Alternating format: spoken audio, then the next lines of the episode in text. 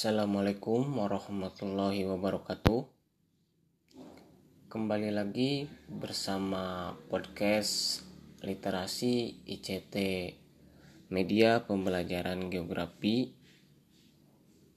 Perkenalkan, nama saya Muhaimin Fadlur Rahman, mengampu di program studi pendidikan geografi Universitas Pendidikan Indonesia. Dalam hal ini yaitu mengenai media pembelajaran. Sebelum pada intinya media merupakan kata jamak dari bahasa Latin yaitu medium yang artinya perantara. Makna umum perantara maksud di sini adalah apa saja yang dapat menyalurkan informasi dari sumber informasi ke penerima informasi. Informasi ini ada dalam proses komunikasi tentunya dalam proses komunikasi harus ada empat komponen yaitu sumber informasi, informasi, dan penerima informasi serta media itu sendiri. Jika satu saja dari empat komponen itu tidak ada, maka proses komunikasi tidak mungkin terjadi. Sebab Media akan bermakna apabila ketiga komponen tersebut harus ada pula atau berkesinambungan. Nah, dalam media ini, mengapa media pembelajaran dilandasi teori behavioristik dan merupakan kerangka berpikirnya adalah belajar merupakan proses interaksi dua arah. Penerapan teori behavioristik dalam kegiatan pembelajaran tergantung dari beberapa komponen seperti tujuan pembelajaran, materi pelajaran, karakteristik siswa, media, fasilitas pembelajaran, lingkungan, dan penguatan. Menurut teori behavioristik, belajar adalah berupa tingkah laku sebagai akibat adanya interaksi antar stimulus dan respon dengan kata lain, belajar merupakan bentuk perubahan yang dialami siswa dalam hal kemampuannya untuk bertingkah laku dengan cara yang baru sebagai hasil interaksi antara stimulus dan respon.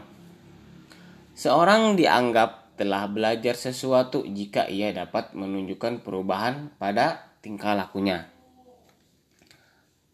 Akan hal itu, media pembelajaran dilandasi dengan teori behavioristik karena media dalam pembelajaran ini yaitu segala sesuatu yang digunakan untuk memberikan peran serta kepada peserta didik yang dapat memberikan perasaan, merangsang pikiran, perhatian, dan kemampuan belajar yang akan terjadi proses belajar mengajar secara sengaja dan berkelangsungan. Maka dari itu media pembelajaran juga dikategorikan melalui beberapa kelompok seperti media interaktif. Nah, karena ketika adanya sebuah media, pasti peserta didik akan melakukan pembelajarannya secara interaktif. Media penyaji dan media objek. Media dapat dikombinasikan dengan media lain yang mana disebut multimedia. Multimedia itu kombinasi dari berbagai media yang terdiri dari teks, grafik, gambar, suara, dan video. Pada dasarnya, teori behavioristik ini berhubungan dengan tingkah laku dan adanya stimulus respon. Maka dari media memperhatikan Yang pertama, memperkuat respon pengguna secepatnya dan sesering mungkin. Karena ketika proses pembelajaran antara guru dan peserta didik, ketika gurunya memberikan materi, maka setiap siswa tidak sama antara menerima materi tersebut. Yang kedua, memberikan kesempatan kepada peserta didik untuk mengontrol laju kecepatan belajarnya sendiri. Yang ketiga, memerhatikan bahwa siswa mengikuti suatu urutan yang koheren dan terkendalikan. Yang keempat, memberikan kesempatan kepada partisipan atau peserta didik dalam bentuk bak respon jawaban, pemilihan keputusan dan percobaan dan lain-lain. Nah, dalam poin keempat ini adanya stimulus dan respon pasti ada karena ketika guru memaparkan atau memberikan sebuah materi nah seorang peserta didik memberikan sebuah jawabannya dan memberikan pemilihan maupun keputusan. Media ini yaitu memiliki manfaat dalam pembelajaran. Maka manfaat media dalam pembelajaran menurut Sujana dan Ripai pada tahun 1992 mengemukakan ada beberapa manfaat media dalam proses belajar mengajar. Yang pertama, dengan adanya media pembelajaran, maka proses pembelajaran akan lebih menarik perhatian peserta didik. Sehingga dapat menumbuhkan motivasi belajar bagi peserta didik. Motivasi yang tinggi pada peserta didik akan membuat peserta didik lebih semangat dalam belajar. Sehingga diharapkan hasil belajar peserta didik juga akan meningkat. Bahan materi pembelajaran yang banyak dengan adanya media pembelajaran, maka akan lebih jelas maknanya, sehingga peserta didik dapat lebih dipahami dan menguasai materi secara maksimal. Dengan demikian, mencapai tujuan pembelajaran lebih mudah. Nah, ketika melalui media pembelajaran, biasanya tingkat motivasi belajar peserta didik tinggi sehingga penguasaan materi pun akan lebih mudah untuk diserapnya. Materi pelajaran yang banyak dan sulit dijelaskan oleh guru akan membuat siswa tidak memahami materi. Nah, di sini peran media pembelajaran misalnya video dalam materi pembelajaran akan membuat peserta didik lebih memahami materi. Manfaat media pembelajaran selanjutnya, metode mengajar akan lebih bervariasi dengan menggunakan model-model pembelajaran. Mengajar tidak hanya dengan metode ceramah, yaitu dengan komunikasi verbal melalui penuturan kata-kata oleh guru.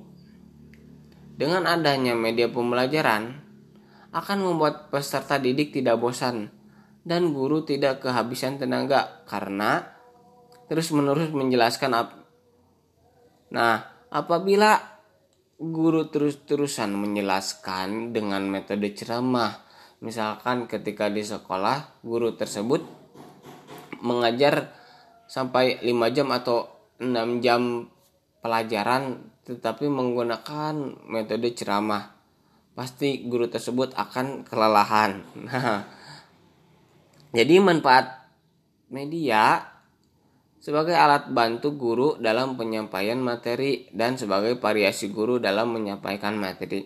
Karena jika guru mengajar di kelas tanpa adanya variasi pasti merasakan kebosanan bagi siswa. Manfaat berikutnya dengan adanya media pembelajaran, peserta didik dapat lebih banyak melakukan kegiatan belajar. Sebab tidak hanya mendengarkan penjelasan guru secara konvensional, tetapi peserta didik juga dituntut untuk ada aktivitas lain seperti mengamati, mensimulasikan, memerankan, dan lain-lain. Bagi guru, media pembelajaran membantu mengkonkretkan konsep atau gagasan dan membantu memotivasi peserta belajar aktif. Nah, karena media pembelajaran itu memang sangat menarik menjadikan motivasi belajarnya itu aktif ketika di kelas seperti bertanya ya menjawab soal pertanyaan dan mendiskusikan dengan temannya dengan demikian dapat membantu tugas guru dan siswa untuk mencapai kompetisi dasar yang telah ditetapkan. Agar media pembelajaran dapat dimanfaatkan dengan baik, guru perlu mengetahui kebutuhan pembelajarannya dan permasalahan-permasalahan yang dihadapi siswa tentang materi yang akan diajarkan. Terkait dengan itu, media perlu dikembangkan berdasarkan relevansi kompetensi dasar, materi, dan karakteristik siswa. Adapun jenis-jenis media pendidikan yang biasa digunakan dalam proses belajar mengajar. Yang pertama, media grafis seperti gambar, foto, grafik, bagan, atau diagram, poster, kartun, komik, dan lain-lain. Media grafis sering juga disebut media dua dimensi, yakni media yang mempunyai ukuran panjang dan lebar. Kedua media tiga dimensi yaitu dalam bentuk model seperti model padat, model penampang, model susun, model kerja, mockup, dan lain-lain. Ketiga, model proyeksi seperti slide, film strip, film penggunaan OHP, dan lain-lain. Keempat, penggunaan lingkungan sebagai media pengajaran. Manfaat media dalam pembelajaran yang lain yaitu Penyampaian materi pelajaran dapat diseragamkan, proses pembelajaran menjadi lebih jelas dan menarik. Yang ketiga, proses pembelajaran menjadi lebih interaktif. Yang keempat, efisiensi dalam waktu dan tenaga. Yang kelima, meningkatkan kualitas hasil belajar siswa. Yang keenam, media memungkinkan proses belajar dan dapat dilakukan di mana saja dan kapan saja. Karena untuk sekarang ini belajar itu tidak hanya di dalam kelas, melainkan di rumah juga bisa karena melalui media. Yang ketujuh, media dapat menumbuhkan sikap positif siswa terhadap materi dan proses belajar. Yang kedelapan, merubah peran guru ke arah yang lebih positif dan produktif.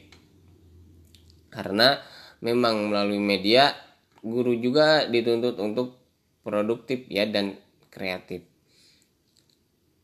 Nah, manfaat praktis media pembelajaran dalam proses belajar mengajar. Media pembelajaran dapat memperjelas penyajian pesan dan informasi sehingga dapat memperlancar dan meningkatkan proses dan hasil belajar. Media pembelajaran dapat meningkatkan dan mengarahkan perhatian anak sehingga dapat menimbulkan motivasi belajar, interaksi yang lebih antara siswa dan lingkungannya dan kemungkinan siswa untuk belajar sendiri sesuai dengan kemampuan dan minatnya. Manfaat media berikutnya, media pembelajaran dapat mengatasi keterbatasan indera, ruang, dan waktu. Yang keempatnya, media pembelajaran dapat memberikan kesamaan pengalaman kepada siswa tentang peristiwa-peristiwa di lingkungan mereka serta memungkinkan terjadi interaksi langsung dengan guru, masyarakat, dan lingkungannya. Misalnya melalui karya wisata, kunjungan-kunjungan ke museum atau kebun binatang. Nah, karena pasti media pembelajaran seperti PowerPoint, infografis, video, dan animasi harus mempunyai efektivitasnya ketika penggunaan media tersebut dalam pembelajaran. Jelaskan efektivitas penggunaan media pembelajaran, PowerPoint, infografis, video, dan animasi. Dari segi efektivitasnya, penggunaan media pembelajaran PowerPoint, infografis, video, dan animasi yang mempengaruhi pada proses pembelajaran bahwasanya penggunaan media ini yaitu membuat suasana belajar menjadi menyenangkan serta dapat merangsang tumbuhnya motivasi belajar. Dengan tumbuhnya motivasi belajar ini yaitu keinginan siswa ketika proses pembelajaran akan meningkat dan prestasi belajar yang diharapkan akan tercapai. Berdasarkan penggunaan media ini sangat efektif juga dalam proses belajar mengajar dan dapat merangsang pemanfaatan kedua indera, yaitu pendengaran dan penglihatan. Karena penggunaan PowerPoint, penggunaan video, nah kedua hal tersebut juga sangat ya mempengaruhi kedua indera. Karena ketika video berlangsung penginderaan atau indera mata dan telinga ya sangat dipakai. Karena ada suara dan ada ya si grafisnya. Akan hal itu media pembelajaran sangat membantu dalam penyampaian isi pembelajaran dari guru kepada siswa yang mana jika dilakukan melalui media akan adanya suatu stimulus dan respon. Dalam dunia pendidikan ini media mempunyai manfaat di antaranya memperjelas materi pelajaran yang tidak bisa dijelaskan oleh guru yaitu melalui metode ceramah yang masih kurang untuk menjelaskan misalnya seperti persebaran flora dan fauna. Ketika melihat persebaran flora dan fauna hanya dijelaskan melalui metode ceramah, nah hal tersebut tidak jelas. Tetapi ketika dijelaskan melalui melalui PowerPoint, media video. Nah, hal tersebut pasti lebih jelas maknanya dan dapat diterima oleh peserta didik.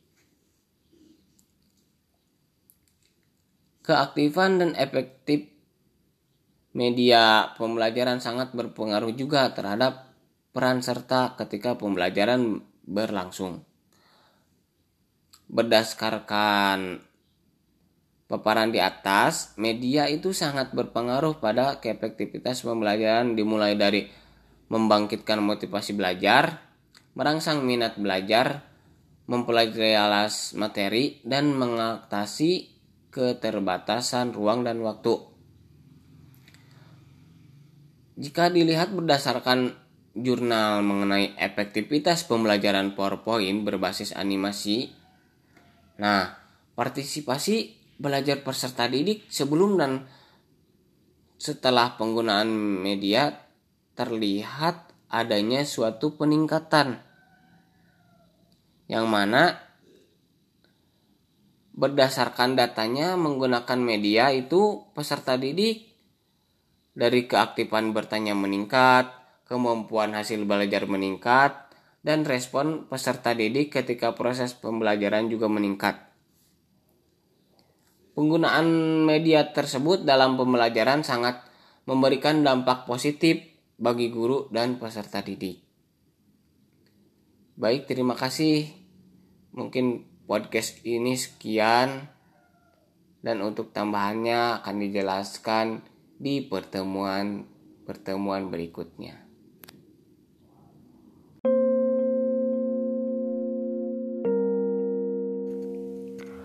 Assalamualaikum warahmatullahi wabarakatuh. Kembali lagi bersama Muhaimin Fazlur Rahman dari Pendidikan Geografi Universitas Pendidikan Indonesia Pembahasan kali ini kepada pendengar setia dari podcastnya Muhaimin Fazlur Rahman Yaitu pembentukan budaya nasional.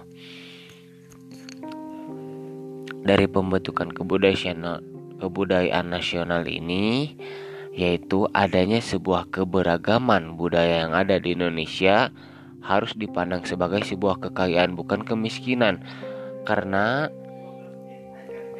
harus bangga sebagai warga negara Indonesia akan keberagaman budaya Indonesia ini bahwa Indonesia tidak memiliki identitas budaya yang tunggal bukan berarti tidak memiliki jati diri, namun dengan keanekaragaman budaya yang ada membuktikan bahwa masyarakat kita memiliki kualitas produksi budaya yang luar biasa.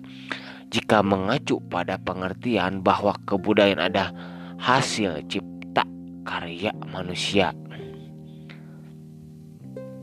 Pembentukan kebudayaan nasional ini, kebudayaan atau culture adalah keseluruhan pemikiran dan benda yang dibuat atau diciptakan oleh manusia dalam perkembangan sejarahnya. Dari hal tersebut, adanya sebuah bertitik tolak dari pemahaman bahwa konsep kebudayaan Indonesia dibangun oleh para pendahulu kita. Karena nenek moyang kita perlandasan konsep kebudayaan Indonesia di sini mengacu kepada nilai-nilai yang sangat bermanfaat dan dipedomani dan dipahami, dianut dan sangat dipedomani ya akan hal tersebut nilai-nilai yang dipedomani itu antara lain adanya takwa, iman, kebenaran, tertib, setia kawan, harmoni, rukun, disiplin, harga diri, tenggang rasa, dan lain sebagainya. Nilai-nilai itu ada dalam sistem budaya etnik yang ada di Indonesia. Nilai-nilai tersebut dianggap sebagai puncak-puncak kebudayaan daerah yang mana sebagai sifat atau ciri khas kebudayaan suatu bangsa Indonesia. Konsep kebudayaan Indonesia ini kemudian diikat dalam satu konsep persatuan dan kesatuan bangsa yaitu Bhinneka Tunggal Ika. Sebelumnya karena adanya Bhinneka Tunggal ini berbeda-beda dalam satu tujuan, Kebudayaan tidak bisa hanya dilihat dari sisi isi kebudayaan itu, melainkan karena keberagamannya atau keberadaannya tidak terlepas dari banyak faktor lain, sehingga kebudayaan itu ada, berlangsung, dan berkembang. Satu faktor penting yang berkaitan dengan kebudayaan adalah masyarakat karena pembentukan kebudayaan nasional ini berasal dari masyarakat itu sendiri atau manusia. Sebagai satu bentuk persekutuan hidup masyarakat itu sendiri adalah konsep dengan dimensi yang luas. Meski kita sering menggunakan konsep masyarakat Indonesia, namun dalam kenyataannya kita tidak bisa membayangkan semua orang Indonesia yang berjumlah ratusan juta orang biasanya yang terbayang hanyalah sekelompok orang-orang Indonesia di sekitar kita saja di suatu lokasi tertentu. Nah, kebudayaan Indonesia ini yaitu berlandaskan adanya timbul rasa persatuan bangsa. Dari hal tersebut sebelumnya memang dengan menempuh perjalanan sejarah yang panjang dan melelahkan bangsa Indonesia yang mulanya terdiri dari bangsa-bangsa yang kecil seolah-olah telah dirancang untuk selalu bersama dalam menempuh suka dan duka sama-sama menanggung derita di bawah dominasi kekuasaan bangsa asing dan sama-sama berjuang untuk membebaskan diri dari dominasi tersebut. Hal demikianlah yang membuat pembentukan kebudayaan nasional ini semakin erat dan adanya Bhinneka Tunggal Ika. Nah, yang sebelumnya adanya timbul rasa persatuan bangsa ini, Indonesia mempunyai sejarah tertulis yang dimulai sejak abad keempat Masehi. Pada dasarnya, pembentukan kebudayaan nasional ini adanya penduduk Indonesia dianggap terdiri dari masyarakat dengan kebudayaan kebudayaan suku bangsa lokal yang hanya sedikit berhubungan satu dengan yang lainnya. Ketika Kepulauan Nusantara menjadi satu bagian yang integral dalam perdagangan Asia dengan rute perdagangan yang merentang dari Asia Barat Daya dan Asia Selatan ke Tiongkok serta ketika pada abad keempat dan kelima rempah-rempah dari kepulauan Indonesia seperti merica, cengkeh, dan pala menjadi komoditi penting dalam ekonomi dunia kuno. Karena pada zaman dahulu memang sangat dibutuhkannya rempah-rempah dari Indonesia itu. Tetapi pada sekarang ini seharusnya bangsa Indonesia tumbuh dan berkembang lebih baik Nah, keterlibatan dalam perdagangan rempah-rempah meningkatkan mobilitas antar pulau di kalangan penduduk Nusantara. Yang keduanya ada kondisi geografis Indonesia. Keadaan geografis yang membagi wilayah Indonesia atas kurang lebih 3000 pulau yang tersebar di seluruh atau di suatu daerah ekuator sepanjang kurang lebih 3000 mil dari timur ke barat dan lebih dari 1000 mil dari utara ke selatan merupakan faktor yang sangat besar pengaruhnya terhadap terciptanya pluralitas suku bangsa di Indonesia.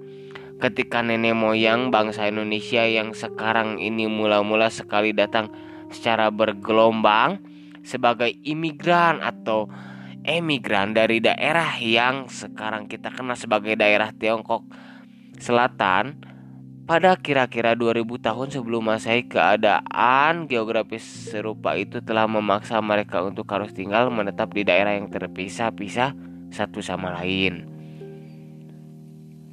Isolasi geografis yang demikian di kemudian hari mengakibatkan penduduk yang menempati setiap pulau atau sebagian dari suatu pulau di Nusantara ini tumbuh menjadi kesatuan bangsa atau suku bangsa yang sedikit banyak terisolasi dari kesatuan suku bangsa yang lainnya. Misalnya dari hal tersebut menyebutkan adanya lebih dari 300 suku bangsa Indonesia masing-masing dengan bahasa dan identitas kultural yang berbeda. Skinner, nah ahli ini menyebutkan adanya lebih dari 35 suku bangsa menurut kajian induk bahasa dan adat yang tidak sama.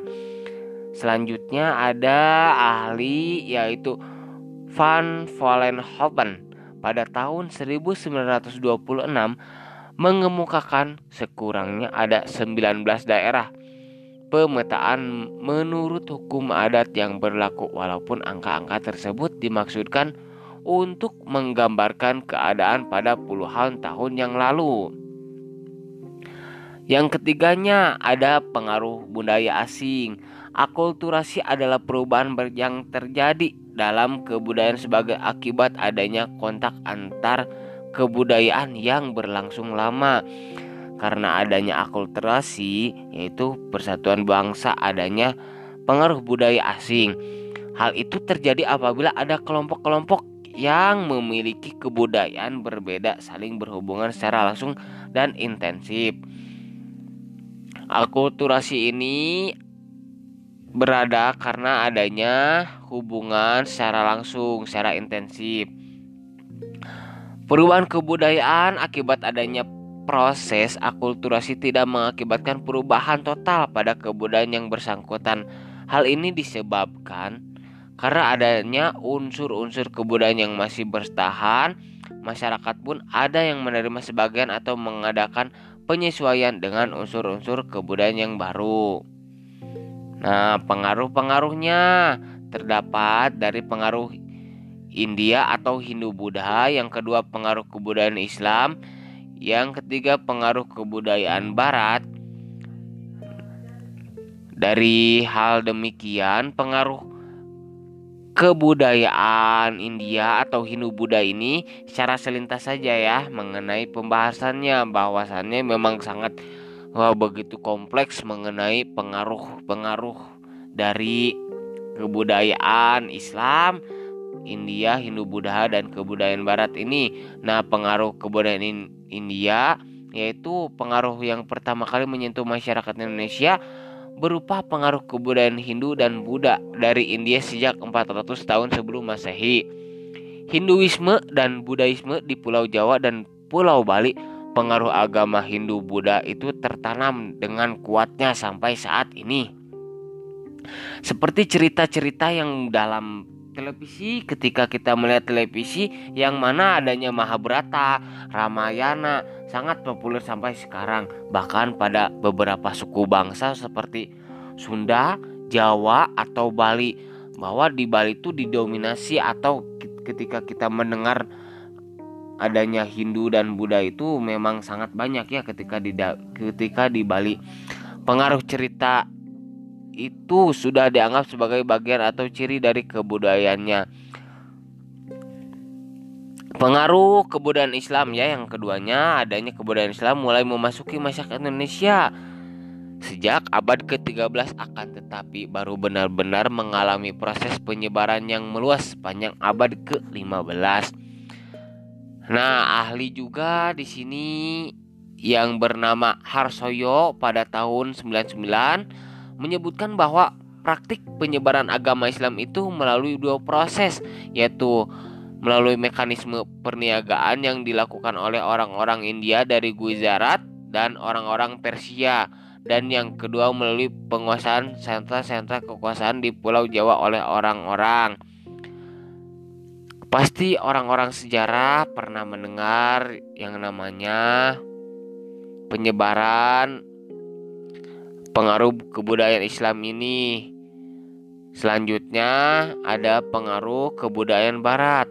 Pengaruh kebudayaan barat mulai memasuki masyarakat Indonesia melalui kedatangan bangsa Portugis pada permulaan abad ke-16. Kedatangan mereka ke tanah Indonesia ini karena tertarik dengan kekayaan alam berupa rempah-rempah. Bahwasannya banyak penjajah ke Indonesia ini dikarenakan banyaknya rempah-rempah yang berada di Indonesia. Indonesia itu sangat kaya tinggal. Masyarakat Indonesia-nya dapat membangun secara lebih baik untuk ke depannya.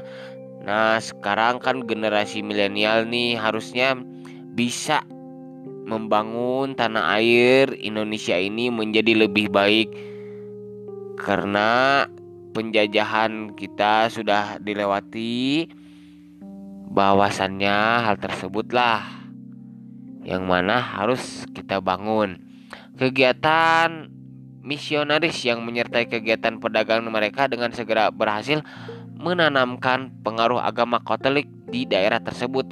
Portugis ini sangat berperan untuk menyebarkan agama Katolik untuk meninggalkan Indonesia pada sekitar tahun 1900 maaf 1900 Masehi maka pengaruh agama Katolik pun segera digantikan oleh pengaruh agama Protestan.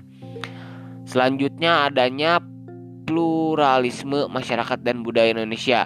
Bangsa Indonesia ini adanya pembahasan mengenai bangsa Indonesia, suku bangsa Indonesia.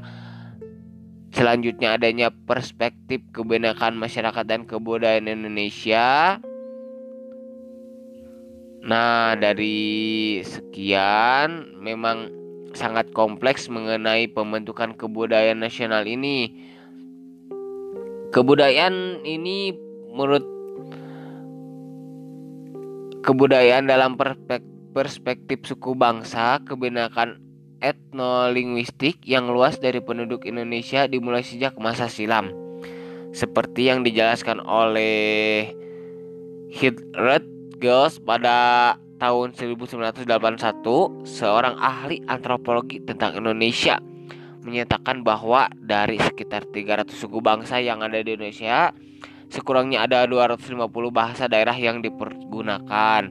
Yang selanjutnya adanya kebudayaan dalam perspektif keturunan asing, tidak seperti suku bangsa penduduk yang termasuk sebagai golongan keturunan asing pada umumnya diharapkan dapat berasimilasi dengan suku bangsa di daerah tempat mereka berada atau sepenuhnya menganut kebudayaan nasional Indonesia. Kebudayaan nenek moyang mereka hanya untuk dianut dalam kehidupan pribadi mereka.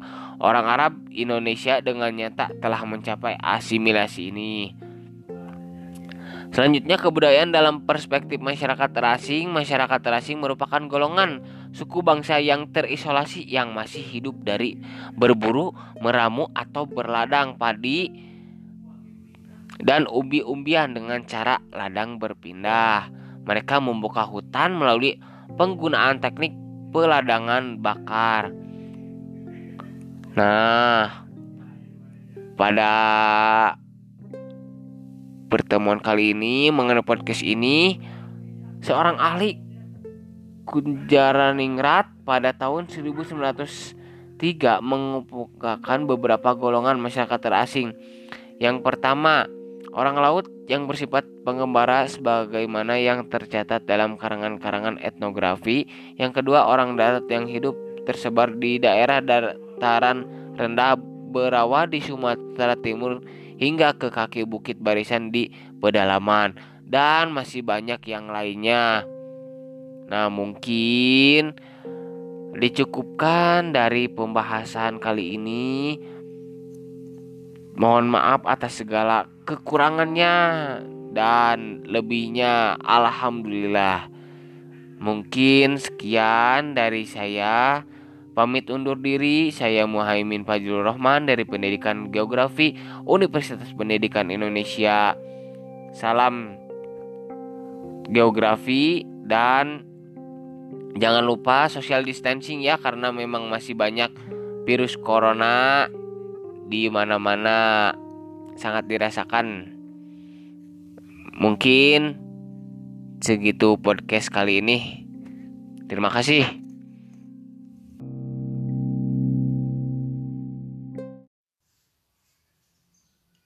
Assalamualaikum warahmatullahi wabarakatuh. Perkenalkan saya Muhaimin di sini akan memberikan atau sharing mengenai penguatan kepada peserta didik di mana saya di sini melaksanakan kuliah kerja nyata dalam bidang pendidikan. Nah, saya juga berada di kelompok 73 dan KKN ini yaitu dilaksanakan secara dalam jaringan karena melihat situasi sekarang ini yaitu pandemi Covid-19. Maka dari itu sebelum kepada intinya saya dibimbing di sini oleh Ibu Hernawati. Nah, Penguatan atau reinforcement adalah segala bentuk respon apakah bersifat verbal ataupun non-verbal yang merupakan bagian dari modifikasi tingkah laku guru terhadap tingkah laku siswa yang bertujuan untuk memberikan informasi atau umpan balik yaitu feedback bagi siswa yang menerimanya atau perbuatannya sebagai suatu tindakan.